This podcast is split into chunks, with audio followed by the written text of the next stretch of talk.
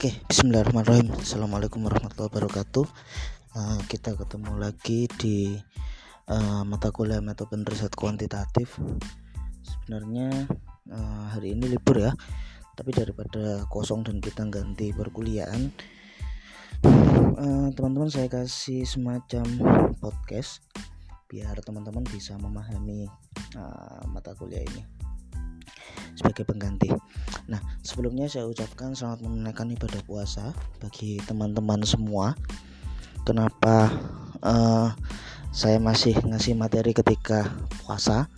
Karena kata Imam Syafi'i kan uh, berpikir sejenak itu lebih baik daripada ibadah semalaman. Itu asumsinya. Nah, kalau kalau memang asumsi itu benar, artinya kita berpikir sejenak ini sama halnya dengan kita ibadah yang berapa berapa lama ini? Dengarkan podcast sekitar 30 menit kan berarti sudah ibadah sudah tidak semalaman lagi mungkin satu bulan. Jadi semoga aja bisa menjadi nilai ibadah bagi kita semua. Oke uh, diskusi kita kemarin sampai pada definisi apa itu pengetahuan dan sebagainya nah di sini teman-teman nanti uh, tentu harus bisa membedakan apa itu ilmu dan juga pengetahuan. Pengetahuan itu merupakan informasi-informasi dari suatu fenomena. Sedangkan ilmu itu adalah uh, ketika informasi-informasi dari suatu fenomena itu disusun secara sistematis dan juga uh, teruji secara metodologis. Artinya ketika pengetahuan ilmu itu sudah pasti pengetahuan dan pengetahuan belum tentu ilmu. Simpelnya pengetahuan itu sesuatu yang muncul di kehidupan kita sehari-hari dan sebagainya. Kalau kita ngomong ini tentu panjang sekali nggak akan selesai-selesai nanti di situ. Nah itu nanti uh, mungkin di pertemuan selanjutnya teman-teman kita akan ulas ini lebih dalam uh, melalui uh, zoom meet langsung mungkin. Nah untuk kali ini uh, karena untuk memberikan semangat teman-teman waktu menjalankan ibadah puasa mungkin sambil dengerin podcast nunggu waktu azan maghrib itu tentu juga nggak membosankan kan seperti itu. Nah uh, untuk mencapai pengetahuan itu caranya macam-macam. Ada beberapa tokoh ya. Setidaknya ada tiga tokoh untuk mencapai pengetahuan. Yang pertama adalah uh, John Locke lalu yang kedua adalah Rene Descartes dan yang ketiga adalah Immanuel Kant. Nah John Locke ini uh, di slide saya yang keenam ini berbicara terkait dengan empirisme. Dia uh, melihat segala macam sesuatu itu harus uh, diamati dengan panca indera.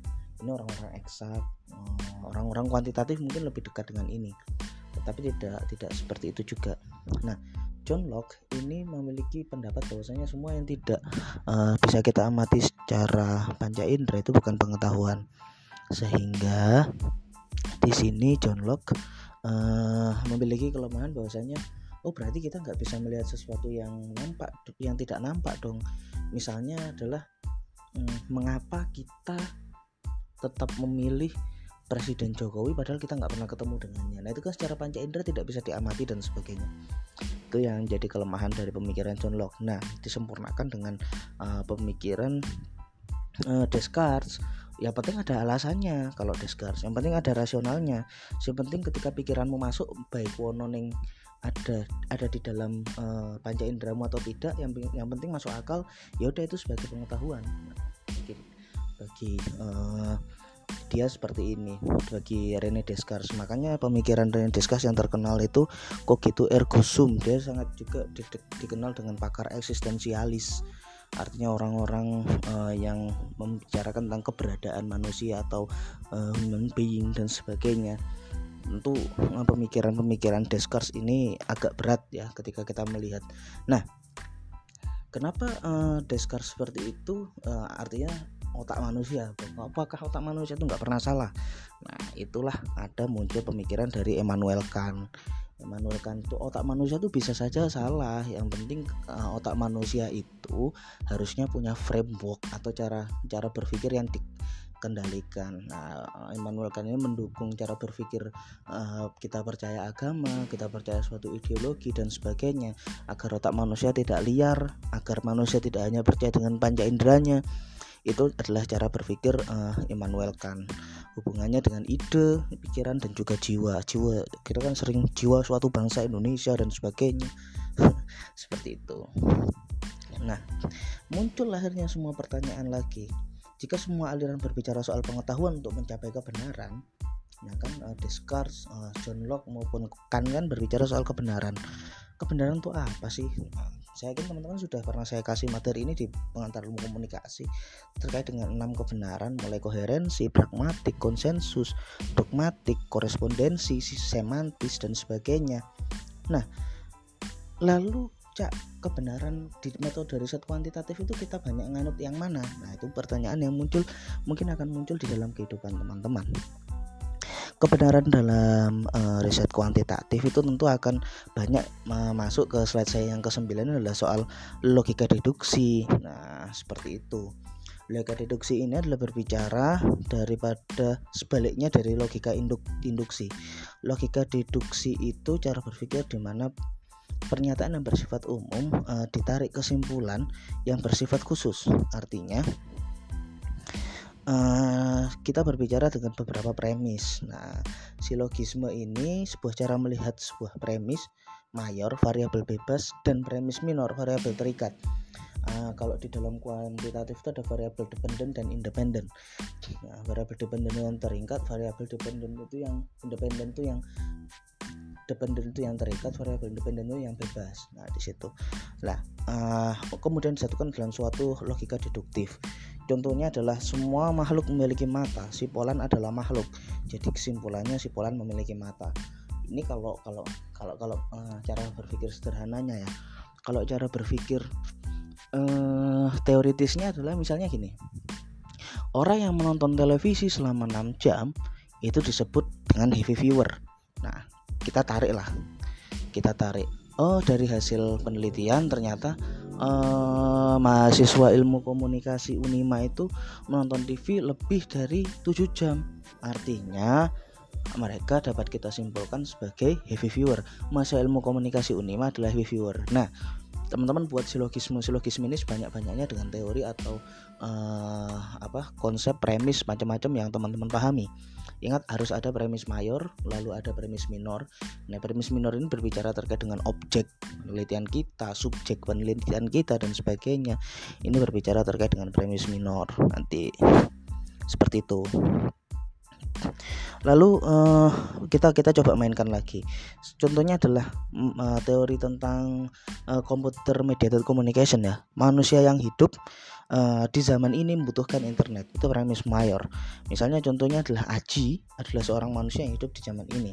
Ini sebuah premis minor. Maka Aji membutuhkan internet. Kesimpulannya seperti itu. Nah, Aji ini kan premis yang sangat minor. Saya masuk ilmu komunikasi ini bisa diganti masyarakat Magelang ini bisa diganti banyak hal pokoknya. Kalau yang premis minor ini seperti itu hal-hal tersebut uh, kita gunakan dalam mengetahui kebenaran akan Uh, apakah kalian tahu bagaimana cara HP bisa sampai ke tangan kita atau paling sederhana bagaimana kita memilih presiden yang bertemu dengannya saja kita tidak pernah. Yang saya contohkan tadi bahkan mengapa mengapa Anda memiliki ketertarikan seksual kepada yang putih tinggi seksi wangi dan sebagainya itu bisa melakukan premis minor. Misalnya semua laki-laki menyukai perempuan yang putih. Lalu kita coba bikin hipotesis uh, si Rio adalah seorang laki-laki maka bisa kita simpulkan uh, kita tarik hipotesisnya adalah Sirio mencintai perempuan yang putih ketika diteliti loh ternyata Sirio dan kawan-kawan nggak begitu suka perempuan yang putih beneran kok mereka suka perempuan yang ya udah cantik alami saja Nah, artinya definisi cantik menurut Rio dan kawan-kawan itu membantah dari teori ini. Nah, membantah teori itu sebenarnya sesimpel gue. Nah, nanti kita akan bicara banyak terkait hal itu. Nah, kita langsung masuk ke materi selanjutnya terkait dengan asumsi-asumsi munculnya dua pendekatan besar. Kan selama ini teman-teman pun tentu tidak asing dengan apa sih kualitatif apa sih kuantitatif itu bedanya apa di mana dan seperti apa gitu-gitu gitu kan rumit lah. Jadi dulu gini eh, sejarahnya adalah kalau menurut Pak Yuyun Surya Sumantri ini dulu itu ilmu ilmu eh sosial itu itu tidak dianggap sebagai suatu pengetahuan yang murni atau sebagai sebuah sains, sebagai sebuah ilmu. Mereka hanya sebagai, dianggap sebagai sebuah pengetahuan akan ya seni. Mereka tidak jauh berbeda dengan seni, uh, hikmah, bahkan uh, hanya sebagai moralitas dan sebagainya. lalu eh, para pakar-pakar ilmu sosial merumuskan penghitungan statistika untuk membuktikan bahwasanya mereka juga bisa berdiri sejajar dengan ilmu eksak. Artinya oh uh, ilmu ku kudu kudu ono metodologi ini harus ada yang diukur satuan keilmuanmu itu apa. Nanti ketika ditanya oleh orang eksak ah, masa gitu kamu diakui sebagai sebuah ilmu akhirnya para, para pakar tuh membuat pendekatan seperti ini. Ini saya tidak begitu belum menemukan banyak referensi terkait ini tahun uh, tepatnya terjadinya tahun kapan dan seperti apa. Saya rasa ketika uh, mungkin uh, begitu berkembangnya adalah ketika zaman Renaissance ya atau abad pencerahan di Eropa itu tentu semua akan berubah pada saat cuman pada saat itu juga catatan tidak begitu jelas nah, dimulainya benar-benar seperti apa. Nah muncullah penelitian kuantitatif positivity positivistik yang X to Y uh, silogisme logika determinan. Itu kan ketika teman-teman melihat misalnya. Tadi itu. Tadi itu kan sebenarnya kayak hitung-hitungan matematika tapi pakai logika tuh kalau misalnya gini uh, di ilmu eksak misalnya ilmunya dosen-dosen dari otomotif misalnya uh, mobil membutuhkan bensin bensin adalah bahan bakar mobil. Lalu muncul uh, kesimpulan bahwasanya uh, untuk mencapai mobil yang irit maka konsumsi bensin harus ditekan seminimal mungkin.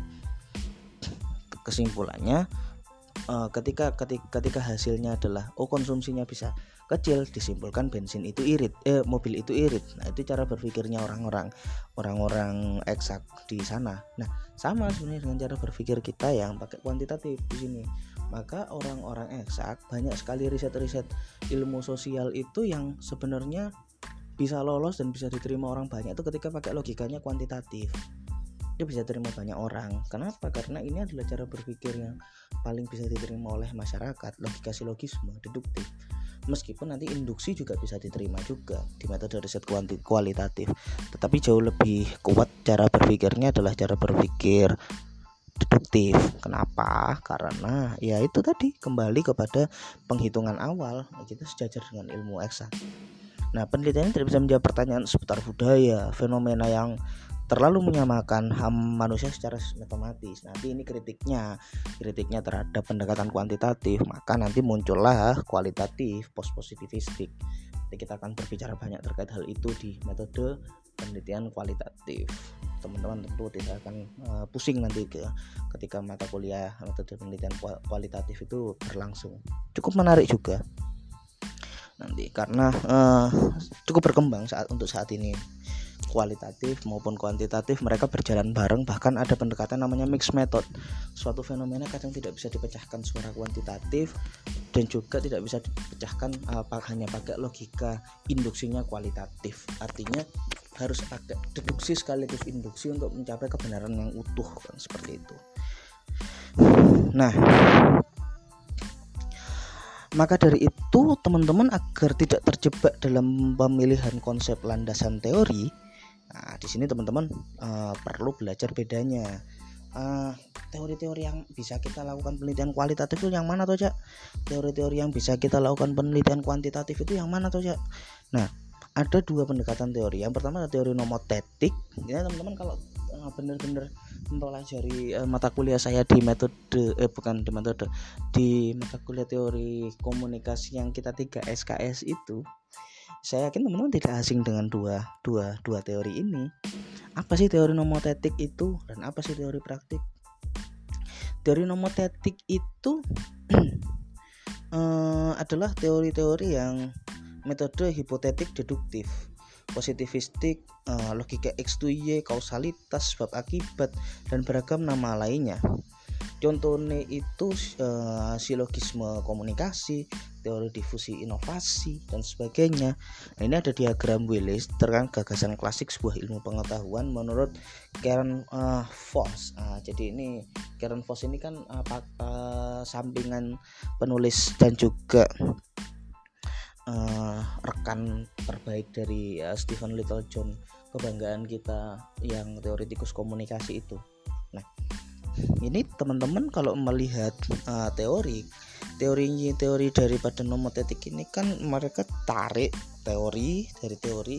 Seperti tadi ada silogismenya dijadikan hipotesis uh, melakukan tindakan observasi melakukan pengukuran lalu ada deduksi. Nah lalu ada deduksi penyimpulan penyimpulannya pakai deduksi sehingga muncul suatu pendekatan baru. Nah, artinya uh, teori ini dibantah atau tidak kembali lagi. Deduksinya ya pakai teori lagi. Jadi hasil dari uh, pembuktian teori itu sangat kuantifikasi sekali. Dihitung dilakukan tindakan observasi diukur. Ketika diukur sudah ada kata-kata diukur. Diukur prosentasenya diukur uh, besaran pengaruhnya koefisien uh, regresi dan sebagainya. Kalau teman-teman statistika kemarin ber, uh, berhasil mempelajari dengan baik, tentu sudah tidak asing dengan kalimat-kalimat itu, koefisien regresi, uh, tingkat uh, keeratan korelasi dan sebagainya. Uh, korelasinya uh, seperti apa, korelasi, uh, korelasi sejalan atau korelasi seperti apa dan sebagainya. Itu tentu uh, merupakan metode pengukuran. Dan teori-teorinya pasti teori nomotetik. Contohnya simple teori nomotetik itu itu tadi teori kultivasi yang berbicara soal ukuran jam pengaruh lalu agenda setting lalu spiral of silence lalu banyak hal. Nanti kita akan berbicara saya akan coba kelompokkan beberapa teori-teori yang sangat kuantitatif. Kalau teman-teman juga belajar kemarin di uh, teori komunikasi itu cukup berhasil di pendekatan yang mana ya? Yang oh ya di tujuh tradisi komunikasi ketika tradisinya adalah tradisi sosiopsikologis maupun tradisi ret, uh, kritis dan juga retoris yang berbicara soal pengaruh itu sudah uh, dipastikan karakternya adalah karakter teori nomotetik bisa diukur. Nah kalau teori-teorinya kritis teori-teorinya uh, tradisi sosiokultural itu kayaknya agak susah ketika kita lihat secara kuantitatif. Meskipun ada beberapa juga. Nah, pokoknya karakter teori teori yang bisa dipakai itu ya teori-teori yang menarik secara hitung-hitungan. Ada silogismenya ada premisnya ya difusi inovasinya Everett Rogers lah paling enggak seperti itu. Nah sedangkan teori praksis itu uh, memberikan ujung yang berbeda dengan rangkaian kesatuan dari teori nomotetik. Tindakan uh, jadi teori praktik itu adalah teori-teori yang munculnya itu dari induksi-induksi kecil. teman-teman di sini uh, ketika teman-teman baca di sini tentu akan tahu perbedaannya dengan jelas. Perbedaan teori nomotetik dan juga teori praksis di sini. Jadi kecenderungan-kecenderungan itu uh, tentu akan membedakan beberapa hal. Tentu akan membedakan beberapa hal. Uh, secara asumsi filosofisnya uh, nomotetik menurut Little John tahun 2013 bersama dengan Karen Foss uh, ontologi teori praktis itu uh, ada beberapa hal yang yang yang berbeda teori-teori uh, praksis itu adalah lebih dekat dengan cara berpikir manusia mengambil peran aktif dan menciptakan pengetahuan. Jadi subjek utamanya itu manusia. Jadi ketika teori-teori ontologisnya, teori-teori nomotetik itu adalah tentang penghitungan, teori-teori praksis itu tentang uh, penjelasan. Penjelas penghitungan juga bisa melakukan penjelasan tetapi deskriptifnya kadang mungkin uh, kurang kuat ya. Karena hanya mungkin tapi penting juga ketika kita melakukan riset awal. Jadi kedua pendekatan ini memang cukup kuat seperti itu. Harus dilakukan teman-teman harus paham keduanya. Seperti itu. Nah teori nomotetik itu cenderung positivistik. Nah akan dipakai untuk kuantitatif. Nah sedangkan teori praktis itu cenderung uh, post positivistik dan dipakai untuk kualitatif. Seperti itu. Perbedaan berbagai macam pendekatan dalam riset ilmu sosial secara filsafat. Itu kan uh, ada beberapa hal ini. Ada perbedaan dalam segi alasan melakukan penelitian bukti pengetahuan yang baik dan sebagainya.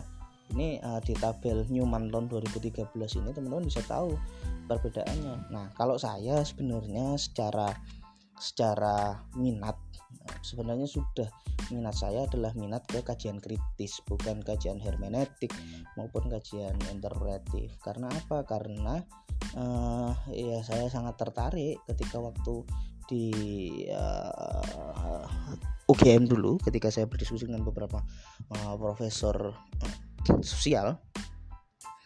Sudah uh, ruang kerja paradigma kritis ini terbuka lebar dan sedikit yang uh, main. Artinya nanti teman-teman uh, harus intinya gini orang yang mempelajari paradigma kritis dia harus belajar dulu pendekatan positivistik dan hermeneutik nah saya juga deh akhirnya bukan dipaksa uh, harus. Karena saya tertarik untuk belajar paradigma kritis saya belajar keduanya riset kualitatif dan kuantitatif seperti itu. Karena untuk mengkritisi sesuatu kan kita harus punya dasarnya dulu. Nah dasar semua pengetahuan itu memang ya positivistik. Kenapa metode kuantitatif itu di awal daripada daripada di uh, akhir daripada riset kualitatif? Karena ini lebih awal lebih dulu secara metodis ya alasan uh, positivistik itu menemukan hukum alam. Kalau menurut Newman orang dapat memprediksi dan uh, mengendalikan peristiwa. Lalu uh, hermeneutik itu adalah untuk memahami menjelaskan tindakan sosial yang bermakna. Berbicara soal makna interpretatif ini ini kualitatif sekali nih.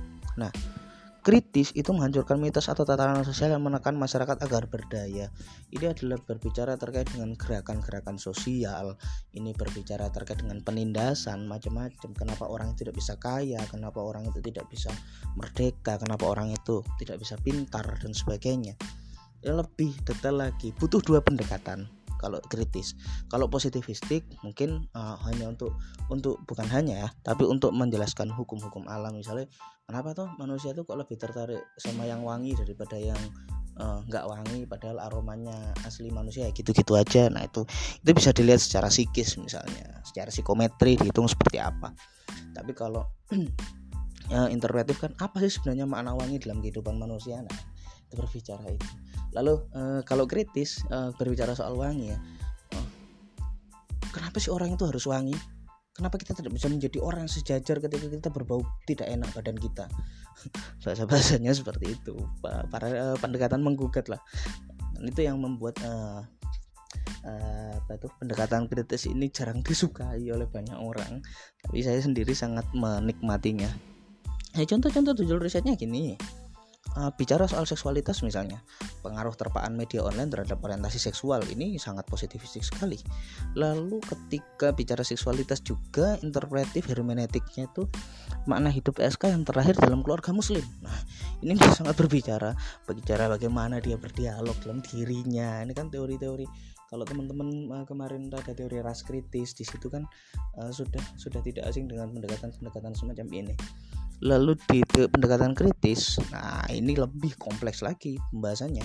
Prostitusi dan negara dalam wacana kampanye calon DPR XXX misalnya. Ini sudah kampanye itu kan perhitungannya itu kan sudah sangat positivistik dihitung secara kuantitatif juga dijelaskan secara kualitatif. Sebenarnya makna makna wacana ini apa sih? Nah, itu dikritisi juga di situ.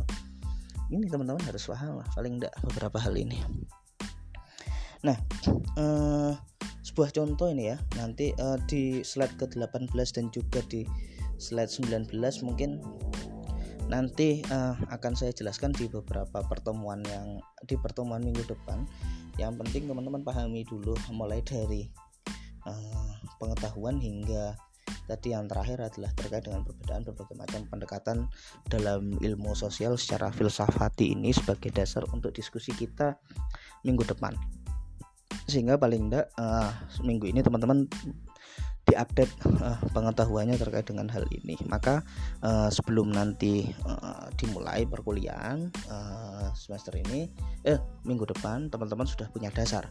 Jadi semester uh, uh, pertemuan minggu depan saya akan menanyakan beberapa hal yang mungkin uh, cukup menarik untuk kita diskusikan dalam pertemuan yang akan datang.